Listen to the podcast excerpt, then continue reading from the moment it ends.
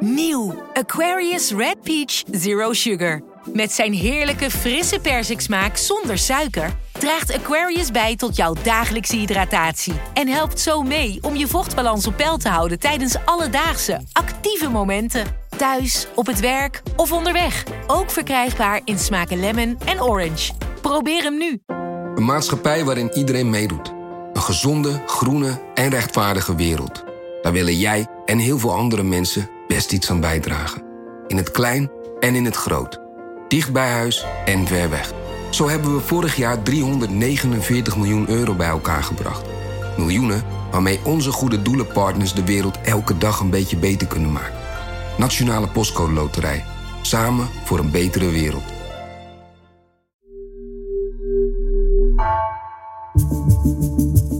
Vanaf de redactie van NRC het verhaal van vandaag. Mijn naam is Egbert Kalsen.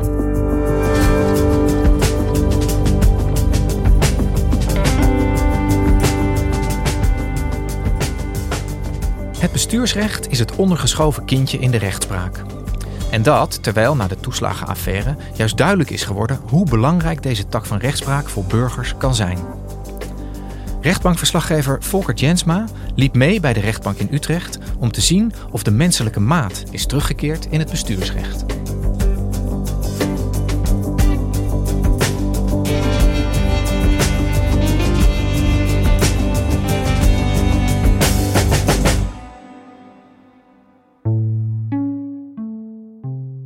In februari was ik in het uh, Utrechtse Paleis van Justitie.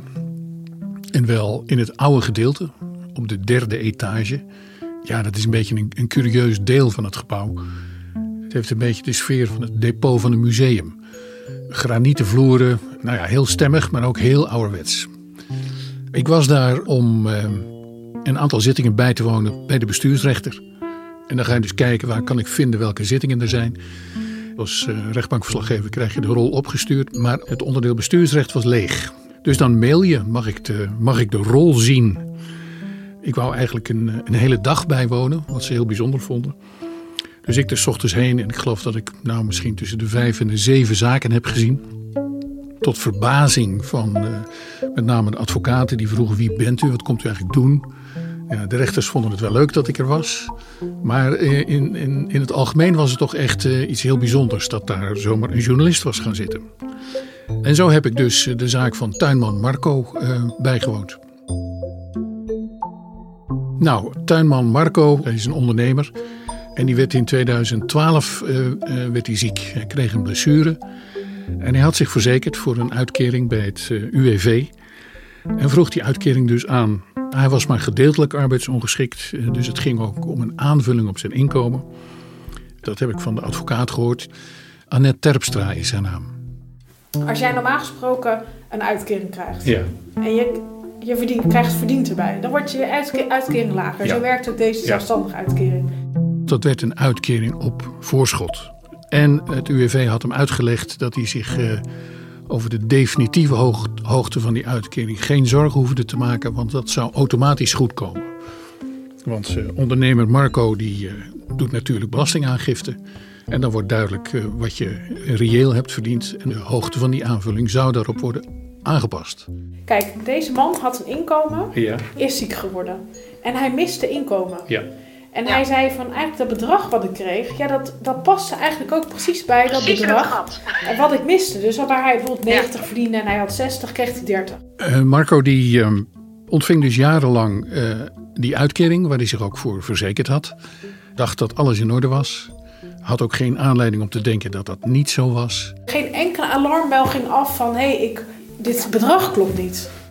Maar ja, toen schoten ze wakker bij het UWV en toen zagen ze dat ze het uh, tien jaar lang hadden laten lopen.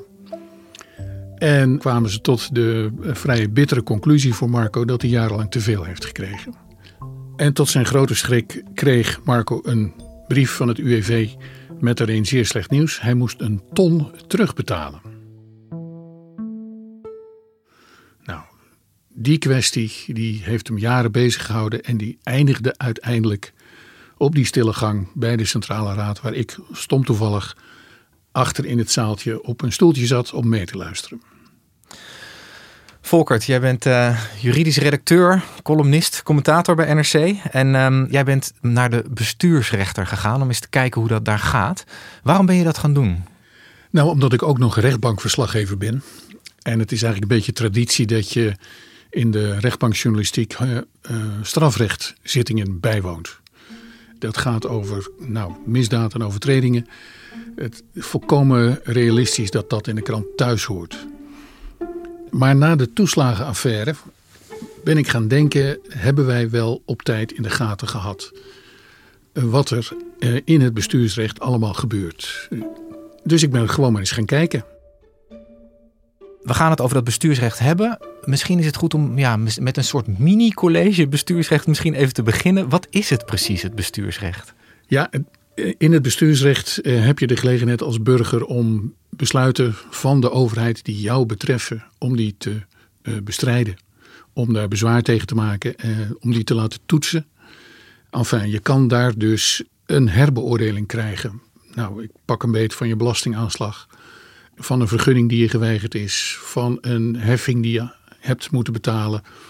Of het nou een subsidie is of een, of een uitkering, daar kom je terecht voor dat soort dingen. En vandaar ook die toeslagenaffaire. Daar kwamen de slachtoffers, eh, de gedupeerden, van in dit geval de Belastingdienst eh, terecht. Ja, dus het, het, is het loket waar je als burger je toe moet wenden op het moment dat je het oneens bent met iets wat de overheid doet. Precies. De, de gang van zaken is dat je eerst uh, bezwaar moet aantekenen bij de overheid zelf. Die kijkt er zelf nog een keer naar. En als die uitkomst je niet bevalt, dan kun je naar de rechtbank en dan naar de bestuursrechter. Al die talloze uh, uitvoeringsorganen die de overheid heeft, die komen daar, worden daar ter verantwoording geroepen. En die moeten daar uitleggen waarom zij in jouw geval dit of dat zo hebben gedaan. Ja, de bestuursrechter is ook interessant omdat we op dit moment een hele stevige vertrouwenscrisis tussen burger en overheid hebben. En ja, de bestuursrechter is dan uh, de corrigerende factor. Dat is degene die dempt, die uh, geschillen beslecht, die gelijk geeft of ongelijk geeft. En die hebben we nu eigenlijk helemaal niet in het zicht. En die dag dat jij in Utrecht was, heb je vijf, zes, zeven zaken, zei je, ja. uh, gevolgd daar. Waarom is die zaak van hovenier Marco, wat jou betreft, een goed voorbeeld voor, om uit te leggen hoe de werking van dat bestuursrecht gaat? Nou, omdat er van alles in samenkwam. Trage overheid, uh, duidelijke fouten, gedupeerde burger en de vraag: wat moet je nou eigenlijk zelf weten en zelf kunnen? In het geval van uh, hovenier Marco ging het dus om een uitkering die tien jaar lang te hoog is geweest door een fout van het UWV. Dat stond als een paal boven water, dat vond het UWV zelf ook. Men had daar niet, wat ze hadden beloofd, automatisch rekening gehouden met de belastingaangifte van Marco en dus niet de hoogte van die uitkering aangepast aan zijn reële inkomen. Hij, deze man ja. had de unieke status van dat hij als zelfstandige ja. verzekerd was. Ja. En wat er normaal gebeurt bij werknemers, waren de gegevens gekoppeld. Dat betekende letterlijk dat in het systeem van het UV er een kruisje aangevinkt had moeten worden. En dat was dus niet gebeurd. En dat had er dus toe geleid dat hij uiteindelijk een ton te veel had ontvangen. En dat werd tamelijk koud, werd dat teruggevorderd. Als je een dossier krijgt, krijg je ook de correspondentie van intern. Ja. En er zat een meneer bij, die meneer is inmiddels met pensioen, die zelf zei: Eigenlijk kunnen we dit toch niet maken? Want dit is toch onze fout en hoe kan dit nou? Dus Marco die begon met formeel in bezwaar te gaan bij het UWV en begon zijn casus uit te leggen. En daar kwam uiteindelijk uit dat het bedrag dat het UWV terug wilde, dat dat te hoog was. Want er was niet goed rekening gehouden met het inkomen van zijn vrouw. En er werd een regeling voorgesteld. En daar ging Marco uiteindelijk voor een deel van het bedrag ging die daarmee akkoord. Het is iemand die gewoon heel erg eerlijk in het leven staat. Hij zei van nou als, als ik dat moet terugbetalen, ja, dan is dat zo. Dan accepteer ik ja, ja. dat. Maar hij was het niet eens met het volledige aantal jaren waarover hij terug moest betalen. Hij zegt, nou die eerste twee jaar jongens, daar vragen jullie hem 18.000 euro terug. Dat vind ik te lang geleden. Dus daarover is hij in beroep gegaan bij de bestuursrechter. En die zaak vond ik interessant omdat hier dus inderdaad een duidelijk een gedupeerde burger die in de knel zat en die volgens mij had gedaan wat hij had kunnen doen.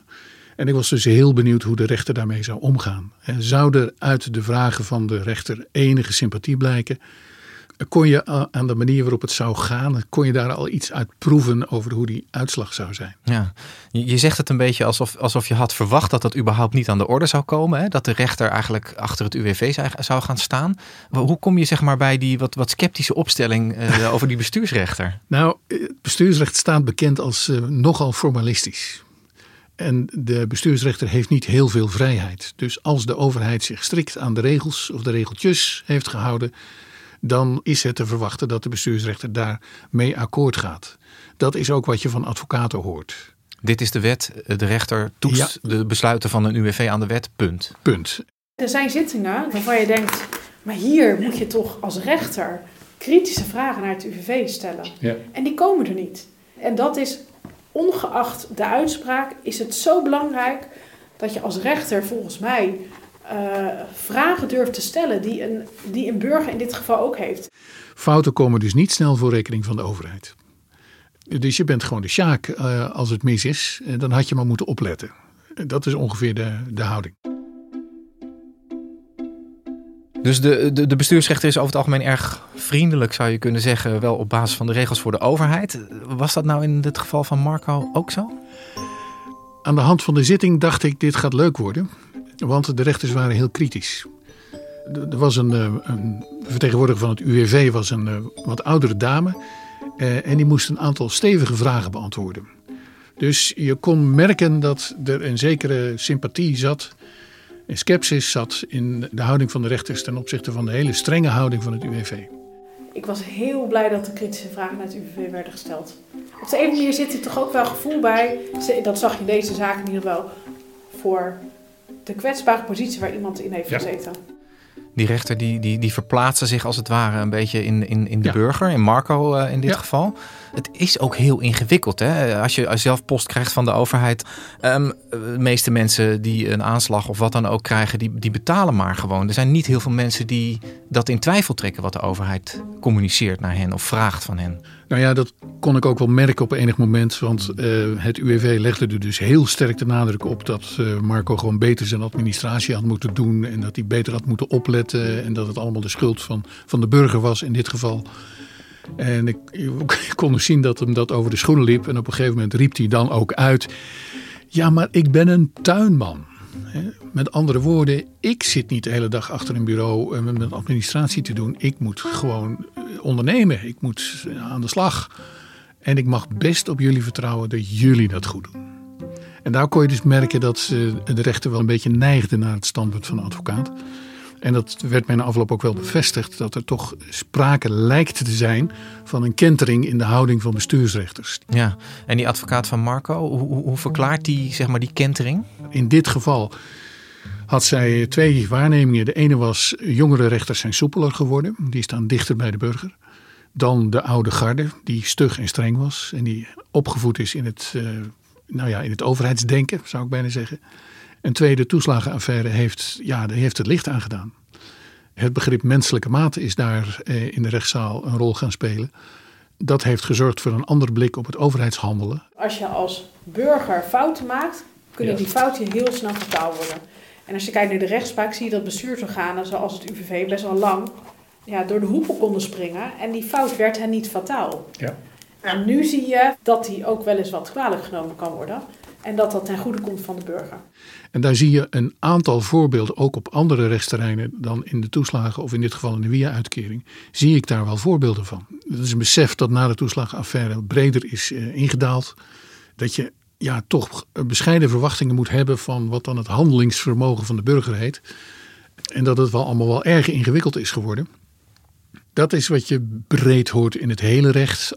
Om de een of andere reden is onze verzorgingsstaat al maar technocratischer aan het worden en bureaucratischer. Vragen we ook meer compensaties, toeslagen? Is er een, een tegenvaller in de economie? Dan moeten er regelingen komen. En het totaalresultaat is een ja, grote stampende machine waar formulieren uitkomen en waar eh, veel burgers knel in raken. En, en vertaalt dat zich dan ook in een toename van zaken bij zo'n bestuursrechter? Ik vermoed van wel. Ik zie bijvoorbeeld dat er ondernemers zijn die van bezwaar maken een verdienmodel uh, maken. Je ziet zelfs reclames op televisie. Uh, denkt u dat uw aanslag voor de waarde van uw woning te hoog is? Stuur een mailtje. En die gaat dan massaprocedures voeren. Nou, dat zie je dus toenemen. Dus je ziet wel dat de sceptisch bij de burger groeit, maar dat wil niet zeggen dat de burger ook beter in staat is om dat allemaal zelf te doen. Je krijgt daar dus makelaars tussen. Ja, mensen die mensen als Marco helpen om de weg te vinden eigenlijk in hoe je dat doet, ja. die overheid ter verantwoording roepen. Ja, ja, en dan is eh, zo'n zaak als die van Marco te ingewikkeld voor zo'n tussenpersoon. Dus Marco moest het doen met een, uh, met een gespecialiseerde advocaat. En dus kwam zijn zaak als individuele kwestie op deze manier naar boven. Ja. En, en uh, Marco trof dus een, uh, een menselijke rechter, om het maar even zo samen te vatten. Trof een kritische uh, rechter ten opzichte van de overheid. Ja. ja. Betekent dat dan ook dat zijn zaak daarmee snel was afgedaan? Ja, dat was mijn verwachting. Ik had die zitting uit. Het was binnen een uurtje was het gedaan. Ik dacht, nou, over twee weken uitspraak. Dit is een open and shut case. Nou, na twaalf weken nog eens bellen, nog steeds niet. Dus toen ben ik gaan mailen en ik heb gevraagd, wat is er aan de hand? Ja. Waarom duurt dit 18 weken? En toen was het antwoord ja, er is nog overleg nodig. Uh, overleg oh, tussen wie? Als er een kwestie is die in meer zaken een rol kan spelen, ja, dan gaat zo'n conceptuitspraak, die gaat eerst nog eens even roleren. En dan kan het wel zijn dat er 10, 12, 24 rechters extra naar kijken. Dat ook het wetenschappelijk bureau er nog even naar kijkt. En dan krijg je dus een heel circuit van commentaren. Ja, en dat is dus bedoeld, als ik jou goed begrijp, om te zorgen dat uh, andere bestuursrechters in vergelijkbare zaken ook tot eenzelfde uitkomst komen. Ja. ja. En juridisch ging het hier om de vraag: gaan we hier ons, onze opvatting van verjaring veranderen? Het UWV wilde heel graag dat de fout pas begon te verjaren op het moment dat die ontdekt werd. En wel door het UWV. Nou, dan ben je dus acht jaar verder. Als je dat doet als hoogste rechter, een totale andere interpretatie van verjaring dan tot dan toe gebruikelijk is, ja, dan moet je dat wel eventjes overleggen met je, met je collega's. En, en hoe pakte dat nou in het geval van Marco uiteindelijk uit? Nou, Marco heeft gelijk gekregen. En dat is het belangrijkste. De rechter heeft gezegd, het UWV kan daar niet meer over beginnen. Over die, over die eerste jaren waarin er te veel betaald is. Want dat is onredelijk. En als motivering van die onredelijkheid zeggen ze: de burger heeft recht op rechtszekerheid. Je mag ervan uitgaan dat als het UWV zegt dat ze een bepaalde uitkering zelf zullen aanpassen, dat dat dan ook gebeurt. Dus die 18 mil in dit geval, die eh, Marco nog had moeten terugbetalen, zijn bij deze doorgestreept. En jij zat met je neus bovenop de kentering die er gaande is in het bestuursrecht. Het paste in een, in een trend die ik al ook in een aantal andere conflicten ook al heb gezien. Uh, zowel in het vreemdelingenrecht, uh, ook wel in het omgevingsrecht, uh, zie je dat de bestuursrechter meer kijkt naar waar de burger mee in de klem komt. En tenslotte, Volkert, um, welke, welke lering trek jij nou uit deze casus? Hè? Die rol van het bestuursrecht en de manier waarop we daar ook als journalistiek mee om zijn gegaan. ja, wat, wat heb jij daarover geleerd? Dat het zeer de moeite waard is om daar te gaan kijken. En in een tijd waarin je het alsmaar hebt over het wantrouwen tussen burger en overheid, zie je dus hier de correctiemechanismen. Je ziet hier hoe het recht werkt en hoe het ook kan worden hersteld. Dat is bemoedigend. En er komt een woeste variëteit aan interessante verhalen uit naar voren. Variërend van nou, studenten die hun overjaarkaart eh, vergeten op te zeggen. Mensen die ten onrechte in een recreatiewoning zijn blijven wonen. Het is een, eh, een zeer interessante journalistieke kaleidoscoop. Ja, de, het individu versus het systeem staat de hele tijd centraal. Een van de conclusies die we voor onszelf kunnen trekken als journalisten is dat dit een onontgonnen gebied is, uh, uh, maar journalistiek zeer relevant. We hebben natuurlijk die toeslagenaffaire toch niet op tijd op de radar gehad. En als we daar wel gezeten hadden, dan was ons dat wel degelijk opgevallen. Dan hadden we echt gezien dat er alsmaar ouders eenzijdig geselecteerde ouders met enorme schulden en terugbetalingsverplichtingen geen gelijk kregen. En dat soort kwesties, ja, die, die komen daar dus uh, voldoende vaak voor om je alert te maken en je afvragen. Dit is bij, deze, bij deze ene burger is dat zo, maar is dat breder het geval? En je ziet de houding van, van de overheid, je, je hoort hoe het systeem werkt. Je merkt ook hoe wetgeving werkt, hoe regelingen werken ver buiten het zicht van de Kamer en de politiek, ver buiten het zicht van departementen. En hè, dat is ook als je met bestuursrechters praat, die kunnen je makkelijk een rijtje met rampenwetten en regels opdreunen, waar zij eh, enorm mee worstelen. En die ze dus toch proberen te, nou ja, te behandelen. Nou, daar hoor je dus journalistiek met je neus bij te zitten. Dat is een uh, mooie taak voor ons allemaal. Dacht ik ook. Dankjewel, Volkert. Graag gedaan.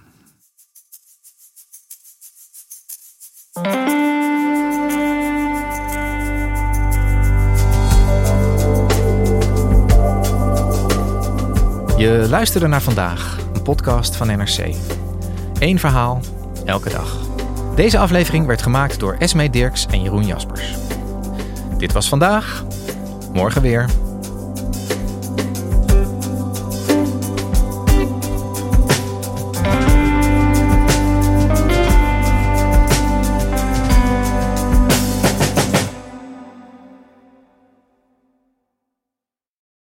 De financiële markten zijn veranderd, maar de toekomst, die staat vast. We zijn in transitie naar een klimaatneutrale economie. Dit biedt een van de grootste investeringskansen van onze generatie. Een kans voor u om mee te groeien met de pioniers van morgen. Meer weten? Ga naar carbonequity.com. Carbon Equity. Do good by investing better.